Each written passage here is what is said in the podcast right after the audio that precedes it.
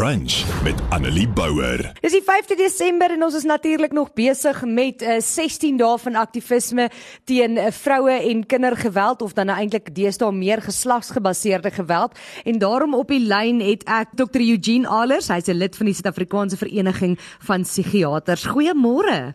Goeiemôre. Hoorie verskriklik baie dankie vir jou tyd vanoggend. Um, ek het besluit ek kort iemand wat hieroor kan gesels wat meer weet as ek. maar dit is goed. so ons gaan vandag bietjie meer fokus op uh, emosionele geweld en uh, dit is my baie baie sleg dat ek sien julle het 'n ding aangestuur wat sê dat meer as 'n derde van Suid-Afrikaanse kinders onder die ouderdom van 17 ly aan emosionele mishandeling en verwaarlosing. Wat beteken emosionele mishandeling en verwaarlosing? Wel, mens moet eers na die definisie van mishandeling kyk. Mishandeling is eintlik 'n proses waar daar waar iemand benadeel word en dan die oortreder bevoordeel word op 'n emosionele vlak. Soos byvoorbeeld iemand is gewelddadig en dan haal dit op sy kinders uit en dan voel hy natuurlik bevredig want hy voel nou hy kan sy aggressie uitoefen, maar natuurlik word die kinders benadeel. Nou wat ons bedoel met emosionele uh, verwaarlosing of mishandeling is enigiets van enigiets emosioneel wat 'n kind benadeel. en dit kan wees verwaarlosing, ehm um, ja om kinders sleg te sê, om hulle oor te beskerm, om uh, hulle om om vir hulle te sê hulle is nooit goed genoeg nie, al kom hulle met 80% by die huis is nog nie goed genoeg nie. Enige van daai aksies is byvoorbeeld mishandeling. Wat vir my interessant is is dat jy iets noem ook soos oorbeskerming. Ek dink mense besef nie altyd dat dit ook nie 'n goeie ding vir kinders is nie. Die mens kan net dink daaraan. Uh, kinders is in die huis en hulle word groot in 'n huis en hulle moet natuurlik vaardighede in die huis optel of leer. nou enigiets wat 'n kind vaardigheid leer en en en weerstandig maak en en weerbaar maak vir die groot mens lewe is natuurlik 'n goeie ding. So wanneer mense kinders laat dinge doen in die huis en vir hulle leer om dinge wat buitekant as hulle hulle volwasse lewe moet hanteer kan hanteer, is dit natuurlik 'n goeie ding. So as jy oorbeskerm word, het jy natuurlik nie daai blootstelling nie alles word vir jou gedoen. So dan het jy eintlik nie vaardighede as jy 'n volwasse is nie en dit los jou natuurlik met baie groot probleme. Wat ek wel interessant vind, ehm um, is dat mense besef ook nie wat dit vir hulle as volwassenes later gaan beteken uh, enige van hierdie tipe mishandeling of emosionele verwaarlosing nie. Dit los letsels wat jy sê 'n groter geestes uh, ongesteldheid ehm um, of 'n groter kans stel op dit en hulle kanse op 'n vervullende en funksionele volwasse lewe beperk. Ja, daar is byvoorbeeld navorsing gedoen om te bepaal wat is die hulle noem dit die odds of die moontlikheid ratio. Dit is also 'n moontlikheidsratio of odds ratio.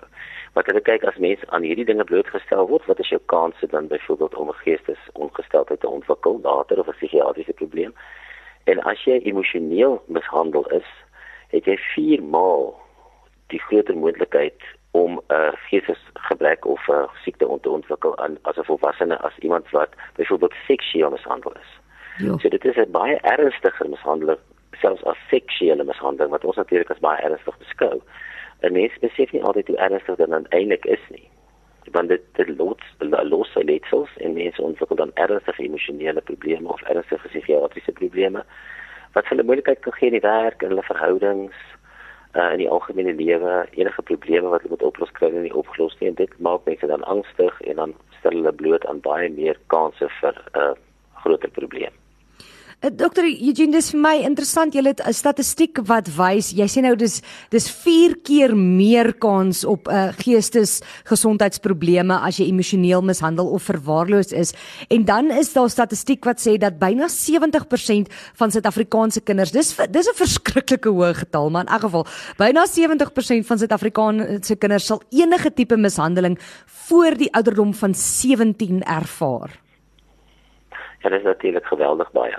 En dit is interessant om te kyk wanneer mense eintlik dan psigiatriese toestande ontwikkel. As ons kyk na alle psigiatriese toestande wat ontwikkel, 30% 'n derde van alle psigiatriese toestande ontwikkel voor die ouderdom van 14. Hmm. Die helfte van alle psigiatriese ont probleme ontwikkel voor die ouderdom van 18 en 80% voor die ouderdom van 25. So dit is siektes van jong mense. En dit het waarskynlik ook groot verband met mishandeling, emosionele mishandeling, uh, trauma, al die dinge. My vraag is net hoe hoe bring 'n mens daardie persentasie af want 'n uh, fisiese geweld en mishandeling val nou natuurlik ook onder daai maar fisiese geweld en mishandeling is alreeds so moeilik om op te tel en en gewoonlik is daar letsels wat mens kan sien. Hoe tel 'n mens op sou 'n kind in so 'n situasie hulle self bevind en hoe maak ons seker dat ons kinders veilig is? Kyk, ek dink daar's twee ehm um aanslag wat mens moet loods. die eerste ene is om die oortreders vas te vat.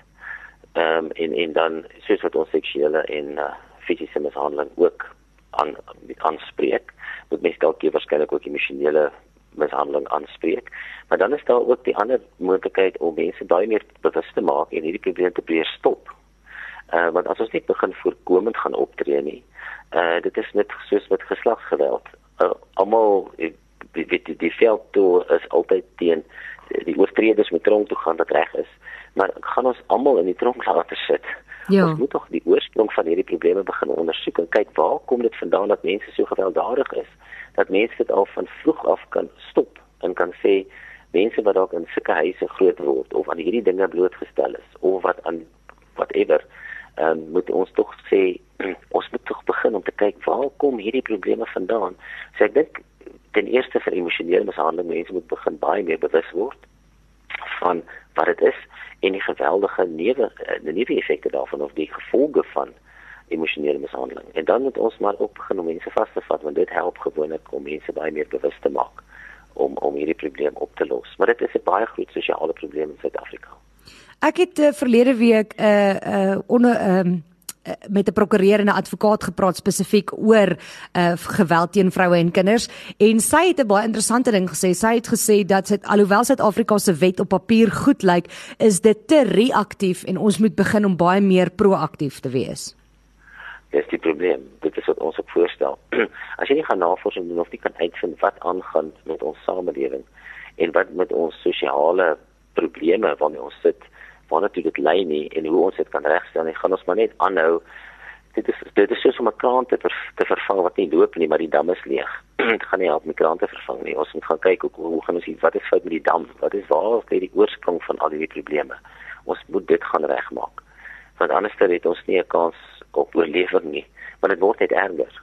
Ja, en ek dink iets wat mense nie ook uh, ons praat nou gereeld oor geweld teen vroue en kinders, maar ek het ook in die begin gesê dis eintlik deesdae meer uh, geslagsgebaseerde uh, geweld want dit kan ook ander kant toe gaan. Ehm um, daar is ook vrouens en veral dink ek in wanneer dit kom by emosionele ehm um, mishandeling eh, is by kinders en mans kan vrouens daar nog 'n groot rol speel. Ja, ek dink dit dit dit is veel maar albei kante toe ons ons konsentreer en fokus baie nou op die fisiese seksuele. Maar ek dink dit is ook belangrik dat ons kyk wat is wat is vroue se rol ook in hierdie mishandelende probleem en het hulle enige rol wat dit dan ook veroorsaak. Jy weet hoe kinders grootgemaak word of want ons lewe in 'n in 'n samelewing wat geweldig problematies is. Uh dit is nie net mishandeling nie, dit is ook die gevolg van reëls. Uh mense volg nie eintlik reëls nie. ons het geweldige misdaadstatistiek moorde ehm um, verkrachtings en so daar is 'n daar is 'n probleem in die respek vir ander mense. Want reëls is tog maar daar om ander mense ook te respekteer dat ons almal goed saam kan leef. En dit lyk vir my daar is 'n baie swak respek vir ander mense in ons land wat tog moet weer gekweek word. Want dit is tog wat die wat die wat die samelewing saambind Ja. Uh, eh, Dr. Elers, ek wens ek het baie meer tyd gehad. Hierdie is 'n ongelooflike interessante gesprek en iets wat ek dink baie belangrik is, maar baie dankie vir jou tyd uh, vanoggend en ek hoop dat ons in die toekoms meer lig op hierdie onderwerp sal skyn. Nee, baie dankie. Brunch met Annelie Bouwer.